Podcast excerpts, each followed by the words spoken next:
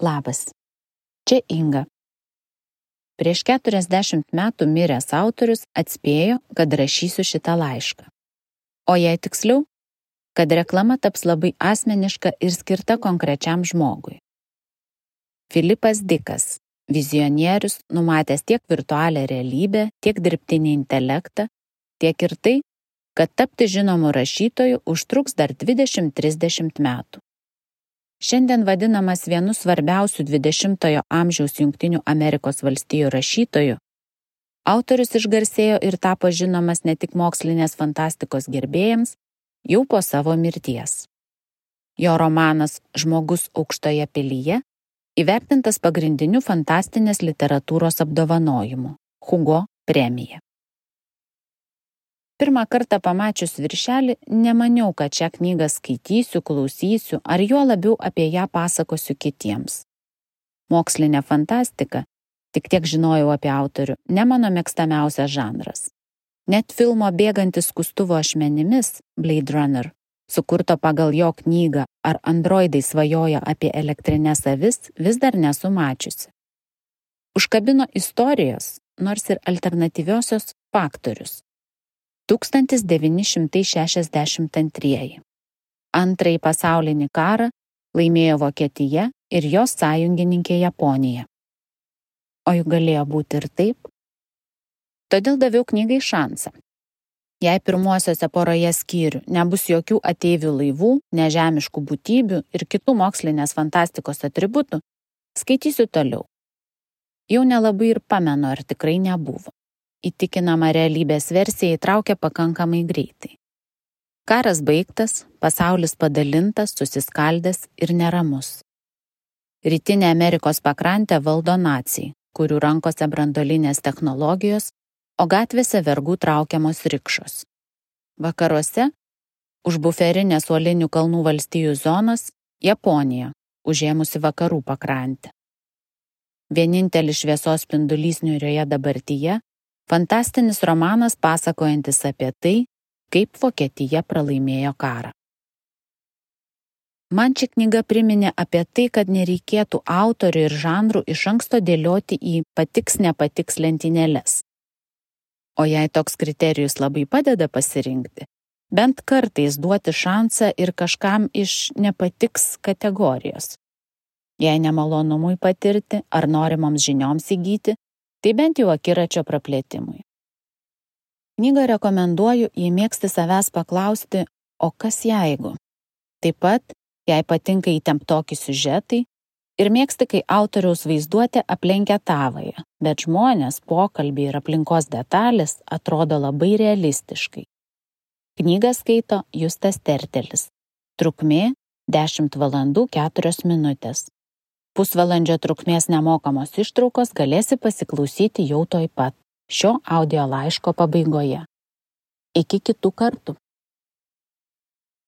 Audioteka LT ir leidikla kitos knygos pristato Filipo Diko audio knygą Žmogus aukštoje pilyje. Iš anglų kalbos vertė Aušra Stanaitytė Karsokienė, įgarsino Justas Tertelis. Audioteka LT, leidikla kitos knygos 2022 metai. Visos teisės saugomos.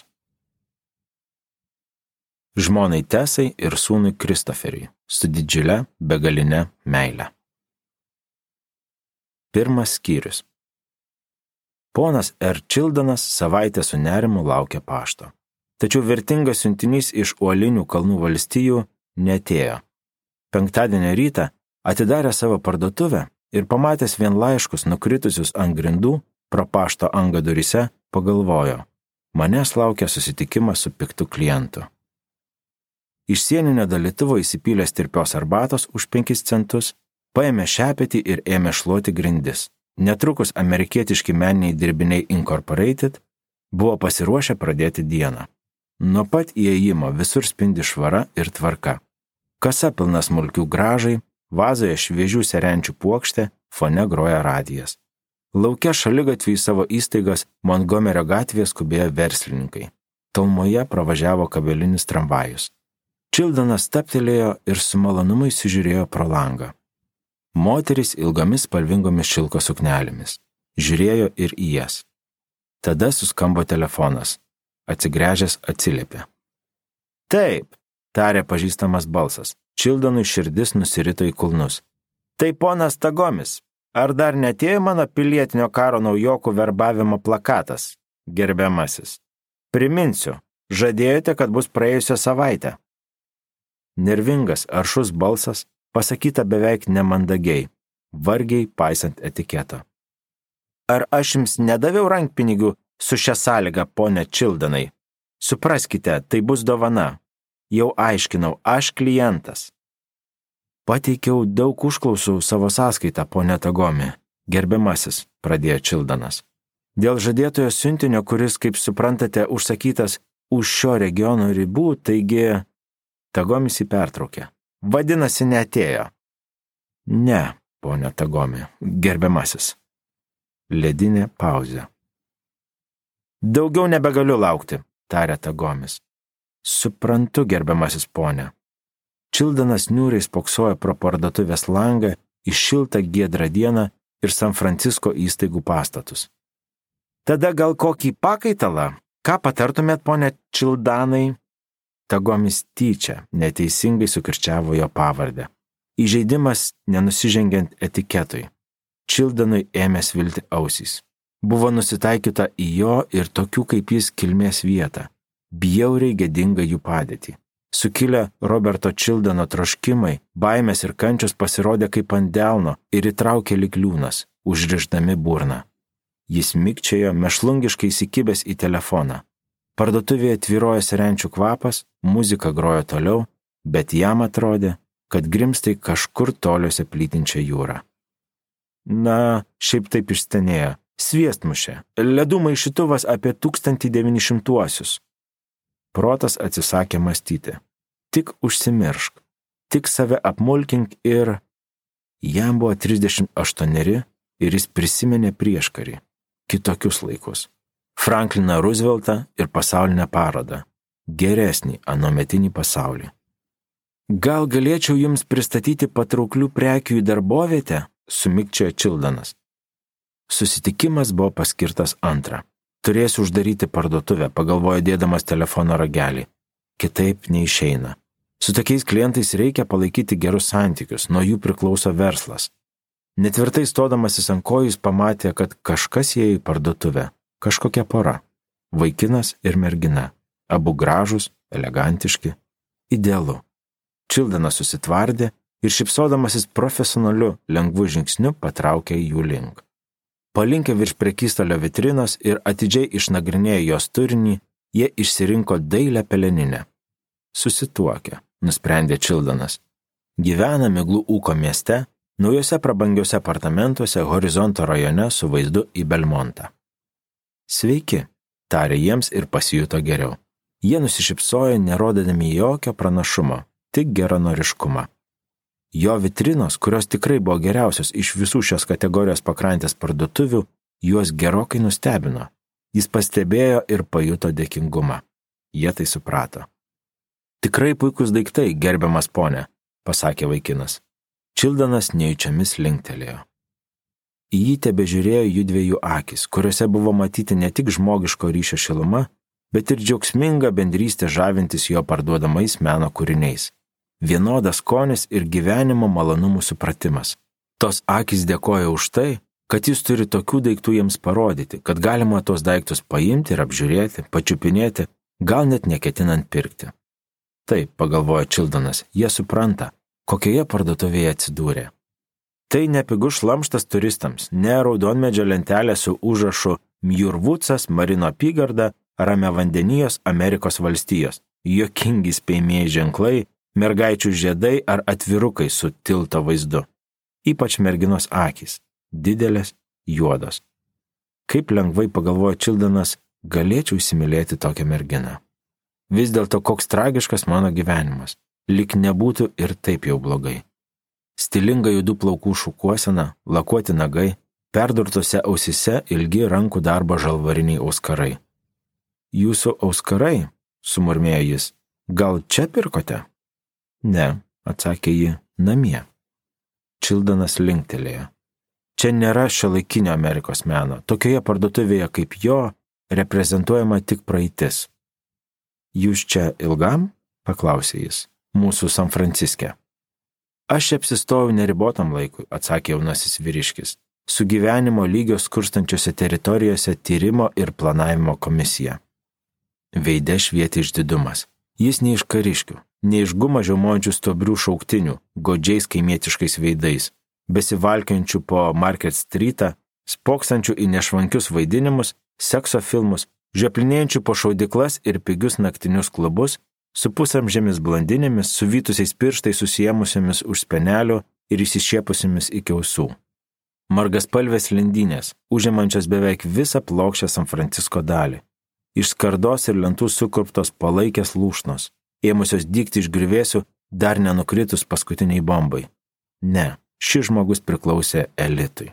Kultūringas, išsilavinęs, gal net labiau už poną Tagomi, kuris šiaip ar tai buvo pagrindinių pramonės ir prekybos rūmų ramiojo vandenino pakrantėje pareigūnas.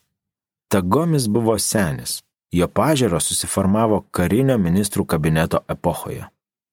Gal norėtumėte kam nors padovanoti Amerikos tautodailės kūrinių, paklausė Čildanas, arba įsigyti kaip dekoro elementą naujiems savo namams? Jeigu išdegs pastarasis, jam širdis markiau suplakė. Atspėjote, tarė mergina, pradedame puošti interjerą. Dar ne visai apsisprendėme, gal galėtumėte mums patarti? Taip, susitartume ir atvykčiau jūsų būtą, atsakė Čildanas. Kai turėsite laisvo laiko, pasiemęs keletą pavyzdžių galėčiau pagal kontekstą ką nors pasiūlyti. Be abejo, tai mūsų specializacija. Jis nuleido akis, kad iš jų nesimatytų lūkesčio. Galbūt kalba sukasi apie tūkstančius dolerių. Man turi atgabenti stalą iš naujosios Anglijos, klevas, tik mediniai kaišiai, ne vienos vinies, neapsakomo grožio ir vertės, ir veidrodis iš 1812 metų karo laikų. Taip pat čia buvo menas, augaliniais dažais dažytų oškų, Vilnos patiesalų rinkinys. Bent man, tarė vyriškis, labiau prie širdies miesto menas. Supratau, entuziastingai atsakė Čildanas. Klausykite, gerbiamasis. Turiu VDA pašto įstaigų laikotarpio sieninį pano. Originalas - tapyba ant lentų keturios dalys. Horaso Grilio portretas. Neįkainojamas kolekcinis eksponatas. O, tarė jaunasis vyriškis ir juodos jo akys sužybo. Ir dar 1920 m.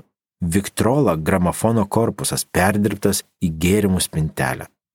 O, ir dar paklausykit gerbiamas ponė, įrėminta Džinos Harlow nuotrauka su autografu. Vyriškis išputė akis. Taigi galime tartis?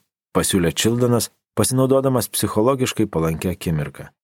Iš vidinės švarko kišenės jis išsiemė rašiklį ir bloknotą užsirašysiu jūsų pavardę ir adresą, gerbėmieji ponai. Jaunai porai pasišalinus iš parduotuvės, Čildonas susidėjęs rankas už nugaros, pastovėjo žvelgdamas į gatvę. Puikuma. Jei visos dienos verslai būtų tokios kaip ši. Tačiau sėkminga šios parduotuvės klotis jam buvo daugiau negu verslas. Tai buvo galimybė viešumoje susitikti su jaunų japonų pora, bendraujančia su juo kaip su žmogumi, o ne kaip su Jankiu ar geriausiu atveju krautuvininku, prekiaujančiu meno dirbiniais. Taip, tie jauni žmonės, ateinanti nauja karta, neprisimenanti prieškario laikų ar net paties karo, tai viso pasaulio viltis.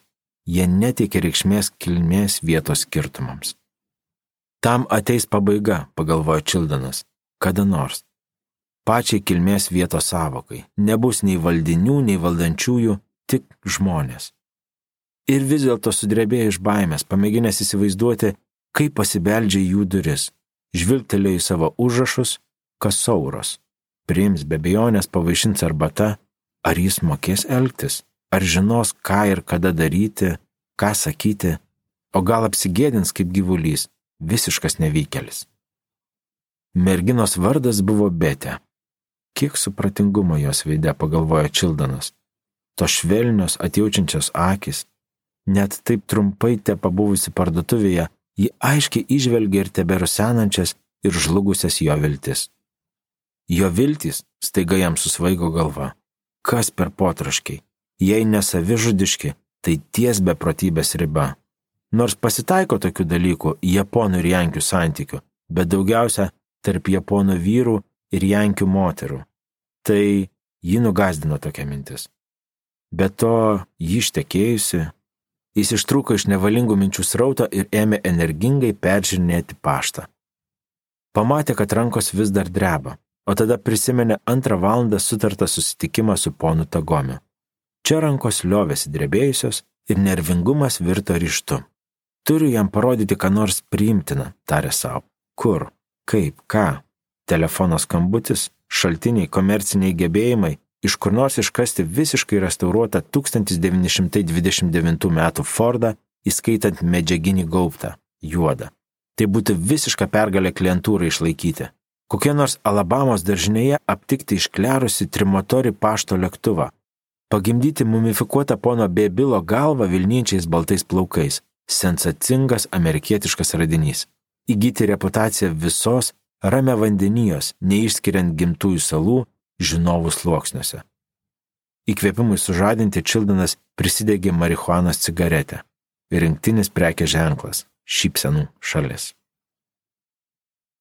Frankas Frinkas gulėjo lovoje savo kambaryje, Heizo gatvėje ir svarstė, kaip atsikelti. Pro žaliusias plieskė saulė, apšviesdama krūvą ant grindų nukritusių drabužių. Dar akiniai, kaip jų neužminti. Bandyti nusigauti į vonę kitų maršrutų, pamanė jis. Šliaužte arba nusivolioti. Skaudėjo galva, bet liūdna nebuvo. Nesidaryk atgal, nusprendė jis. Laikas? Žadintuvas ant komodos, pusė dvyliktos. Dieve mano. Bet jis tebegulėjo. Aš atleistas, pagalvojo. Vakar jis blogai pasielgė gamykloje. Pripliauškė, ko nereikia ponui Vindamui Matsonui, kurio įdubusime veide pupsojo sokratiška nosis. Ant piršto žibėjo žiedas su deimantu, kelnes buvo užsektos auksiniu užtrauktuku. Kitaip tariant, valdžia. Karališka gale. Frenko mintys klaidžiojo linkstančiamis kojomis. Taip, pamanė jis, dabar mane įtrauks į juodąjį sąrašą. Mano įgūdžiai nieko verti, aš neturiu profesijos, 15 metų patirties, vėjais. Dabar teks pasirodyti darbuotojų pasiteisinimo komisijai, kuri persvarstys jo kategoriją. Jam taip ir nepavyko išsiaiškinti Vindamą Matsono ryšių su Pinokiais, sakramente veikiančią marionetinę baltųjų vyriausybę tad neįstengė pasverti ir buvusio darbdavio galių paveikti tikrąją valdžią - Japonus. DPK, darbuotojų pasiteisinimo komisija, valdė Pinokiai. Vindamo Matsono įsakymu jam teks stoti penkių nusipenėjusių pagyvenusių baltųjų akivaizdon. Jei ten nepavyks gauti išteisinimo, jis patrauks į kurią nors iš importo ir eksporto prekybos atstovybių, valdomų iš Tokijo ir turinčių būstinės Kalifornijoje, Oregone, Vašingtone bei Rame vandenijos Amerikos valstijoms priklausančiose Nevados dalyse. Bet jeigu ir ten jo nepasigailės. Gulėdamas lovoje ir spoksodamas į senovinį setyną lubose, mintimis klaidžiojo nuo vieno plano prie kito. Pavyzdžiui, galima prasmukti į uolinių kalnų valstijas, bet jos buvo sudariusios laisvą sąjungą su Ramevandenijos Amerikos valstijomis, ir galėjo jį išduoti pagal ekstradicijos sutartį. O pietus? Nuo šios minties net atšlijo, tfu, ne tai. Kai baltajam jam ten būtų atsiradę apščiai vietos, tiesą sakant, daugiau negu čia, RAF. Bet jis tokios vietos nenorėjo. O blogiausia, kad pietus siejo begalę painių ryšių su Reichu - ekonominių, ideologinių ir dar dievažin kokių. O Frankas Frinkas buvo žydas. Tikroji Franko pavardė buvo Finkas. Jis gimė rytų pakrantėje, Niujorke ir 1941 metais, ką tik kritus Rusijai, buvo pašauktas į Junktinių Amerikos valstijų kariuomenę. Japams užėmus Havajus buvo išsiųstas į vakarų pakrantę. Taip jis ir atsidūrė japoniškoje pusėje už skiriamosios linijos pasibaigus karui ir liko čia iki šios dienos, kai jau buvo praėję 15 metų. 1947-aisiais per kapitulacijos dieną jį vienaip ar kitaip buvo apėmęs įniršis. Kaip ir anksčiau, nekesdamas japų, prisiekė atkeršyti. Paslėpė savo kariškus ginklus dešimt pėdų po žeme, Rusija, kruopšiai suviniotus ir suteptus, iki tos dienos, kai sukils jo draugužiai.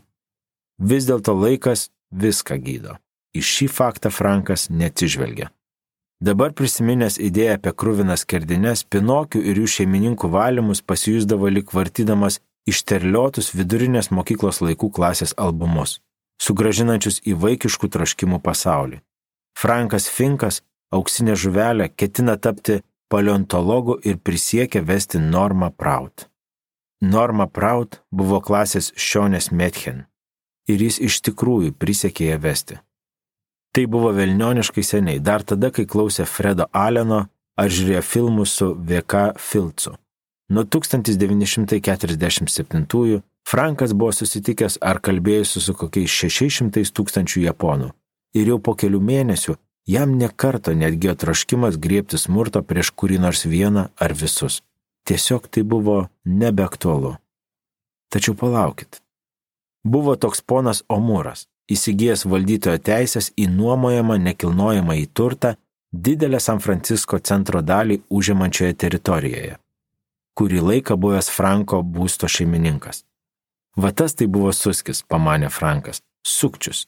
Niekad neremontuodavo patalpų, pertvaromis vis mažino kambarius, keldavo nuomos kainas, jis maustė neturtelius, ypač per ekonominę krizę šešto dešimtmečio pradžioje nuskurdusius bedarbius buvusius kariškius. Vis dėlto ne kas kitas, kaip japonų pramonės ir prekybos rūmai, prikirpo Omūrui uodegą už neteisėtą pasipelnimą. Ir šiandien nebegirdėti apie tokius žiaurios, griežtos, bet teisingos Japonijos civilinės teisės pažeidimus. Japo okupacinės valdžios pareigūnų nepaperkamumas kėlė pasitikėjimą, ypač tų, kurie atėjo po karinio ministrų kabineto griūties. Pagalvojęs apie rūstų, stoišką pramonės ir prekybos rūmų sažiningumą, Frinkas apsiramino. Net Vindamas Matsonas gali būti nubaidytas kaip zyzianti musė. Nesvarbu, kad jis VM korporacijos savininkas. Bent jau to vylėsi Frinkas. Rodos, aš tikrai tikiu to bendra gerovinio ramė vandenijos alijanso tauškalais, tarė jis savo. Keista. Prisiminus pirmasias dienas, Tada tai atrodė grinas mulkinimas, tuščia propaganda. Tačiau dabar, atsikėlęs iš lovos, jis nušlitiniavo į vonę. Nusiprausęs ir nusiskutęs, išklausė vidurdienę žinias per radiją. Nesijuokime iš šių pastangų, kalbėjo radijas, Frinkui staiga užsukus karštą vandenį. Ne, nesijuoksime, karčiai pamanė Frinkas. Jis suprato, kokias būtent pastangas turėjo menį radijas. Ir vis tiek tas vaizdas buvo kažkuo jokingas. Flegmatiški nirzgos vokiečiai vaikštinėja po raudoną Marso smėlį, kuriuo nėra žengusi žmogaus koja. Putomis muilindamas skruostus Frinkas ėmė po nosimi niuniuoti satyrinę dainelę. Dieve, ponė Kreisleiteri, gal čia galima įkurti koncentracijos stovyklą? Koks gražus oras. Karšta, bet gražu. Radijas kalbėjo. Bendragerovinė civilizacija turi sustoti ir pamastyti, ar ieškodami tinkamo pareigų ir atsakomybės santykio su atlygiu, tipiškas valdančiosios hierarchijos žargonas, įterpė pastabą Frinkas. Puikiai suprantame, kad ateities žmogaus veiksmų arena, kad ir kokiai rasiais priklausytų, nordiniai, japonų ar negroidų ir taip toliau. Rengdamasis jis su malonumu pergromuliavo savo dainelę. Oras gražus, labai gražus, bet kvepuoti nėra kuo. Šiaip ar taip tai faktas, rame vandenyje neturi nieko bendra su planetų kolonizavimu. Ji susijusi su Pietų Amerika, tiksliau į ją įklimpusi. Vokiečiai zuja po kosminę erdvę didžiulėmis robotų valdomomis konstrukcijomis, o japai tebedegina džiunglės Brazilijoje ir stato aštuonaukščius daugiabučius buvusiems galvų medžiotojams. Kai Japai kosmosą paleis pirmą savo erdvėlaivį, vokiečiai jau bus įsitvirtinę visoje Saulės sistemoje. Senais keistais laikais iš istorijos vadovėlio, kai visa Europa dėjo paskutinius taškus kurdama savo kolonijinės imperijas, vokiečiai praleido progą. Šį kartą, pamastė Frinkas, jie neketina likti paskutiniai, jau pasimokė. O tada jis pagalvojo apie Afriką, apie ten vykdytus nacijų eksperimentus. Kraujas sustingo gyslose ir jo tekmė atgyjo neiškart. Didžiuliai tušti griuvėsiai. Radijas postringavo. Vis dėlto turime kuo didžiuotis. Mes nuolat pabrėžiame esminius materialistinius visų vietovių gyventojų poreikius, jų dvasinius siekius, į kuriuos reikia. Frinkas išjungė radiją. Paskui vėl įjungė tik patilnio garsą. Viešpati aukštėlnikas, pagalvojo jis, Afrika. Mirusių genčių šmėklų žemynas. Nušluotų, kad žemė atitektų kam? Gal net ponai sumanytojai Berlyne to nežinojo. Robotų šutvė, plušanti statanti be tvangos. Statanti? Malanti į miltus. Žmogėdros iš paleontologijos ekspozicijos sumanė pasidirbinti dubenį iš priešo kaukolės ir prieš tai susėdę su šeima kruopšiai iškabinti jos turinio - žalių smegenų. O kur dar pravartus rykai iš žmonių šlaunikaulių ir blausdikaulių? ūkiškas požiūris - ne tik suėsti tau nepatinkančius žmonės, bet ir tam reikalui pasidaryti indą iš jų smegeninės. Pirmieji savo amato meistrai. Prieš istorinis žmogus steriliu baltu halatu, kurio nors Berlyno universiteto laboratorijoje, atliekantis bandymus su kitų žmonių kaukolėmis, oda, ausimis, riebalais, norėdamas nustatyti praktinę jų naudą. Ja, Herr Doktor, naujas būdas panaudoti kojos nykštį. Matote, jo sanarys tinka greitaveikio cigarečių žieptuvėlio mechanizmui. Jei Herr Krupp galės pagaminti reikiamą kiekį. Jis pasibaisėjo apie tai pagalvojęs. Senovės pužmogis, milžina žmogėdra, vėl valdo pasaulį. Bėgant nuo jo praėjo milijonas metų, pagalvojo Frinkas, ir štai jis grįžo. Ir dabar jis ne šiaip priešininkas, o šeimininkas. Galime apgailestauti, pareiškė radijas geltonodžio trizniaus iš Tokijo balsu. Dieve mano, pagalvojo Frinkas, ir mes juos vadiname bežionžmogiais, tuos civilizuotus, kreivakojus neužaugas, kurie viso labo naudojo dujinės krosnis smalkai lydyti iš savo moteriškių taukų. Ir praeitie nekart apgailestavome dėl šlikščių atmatų, tik iš pažiūros turinčių žmogišką pavydalą, fanatiškų grumtynių, kurios plačiasias mases nubloškė už įstatymo ribų. Įstatymai - jų japų stiprioji vieta. Pasak vieno žinomo vakarų šventojo, kokiagi žmogui nauda, jeigu jis laimi visą pasaulį, bet per tą pelningą veiklą pakenkia savo gyvybei. Radijas padarė pauzę. Staptelė ir Frankas, ryždamasis kaklaraištį. Buvo rytinio apsiplovimo metas. Turiu su jais susitarti, suvokė jis. Ar patikau į juodąjį sąrašą, ar ne. Jei paliksiu japonų kontroliuojamą žemės ir pasirodysiu pietuose ar Europoje, bet kuriame Reicho krašte, man galas. Turiu susitaikyti su seniu Vindamu Matsonu. Sėdėdamas ant lovos su podėliu drungnos arbatos, Frinkas pasiemė į dzink. Iš odinės tutelės išėmė 49 kraujažolių stebelius. Kiek pamastė, kol suvaldė mintis ir sudėliojo klausimą. Garsiai ištarė. Kaip turėčiau pradėti kalbėti su Vindamu Matsonu, kad pavyktų su juo susitarti? Užsirašė klausimą bloknote ir į saują paėmęs pluoštą stebelių ėmė traukioti kitą ranką, kol išėjo pirma heksagramos eilutė. Pradžia. Aštuoni. Pusė iš 64 heksagramų jau buvo eliminuota perskirė stebelių pluoštą ir gavo antrą eilutę. Būdamas įgudęs, greitai turėjo visas šešias eilutes. Heksagrama buvo prieš akis ir jam nereikėjo tikrintis lentelėje. Žinojo, kad tai penkiolikta heksagrama. Čien. Kuklumas. Ak. Menkas iškils, iškilus nusmuks. Galingos giminės bus pažemintos.